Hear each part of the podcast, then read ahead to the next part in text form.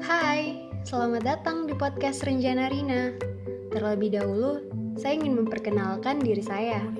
Nama saya Rina Nurtriani. Soal kenapa saya mengambil nama Renjana Rina sebagai nama podcast saya, karena Renjana adalah kata yang cukup menggambarkan karakteristik pribadi saya.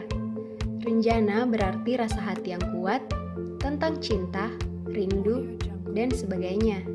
Dengan nama Renjana Rina, semoga saya bisa menjadi sahabat di telinga kalian lewat banyak kisah menarik yang nantinya akan saya perdengarkan untuk teman-teman Renjana sekalian.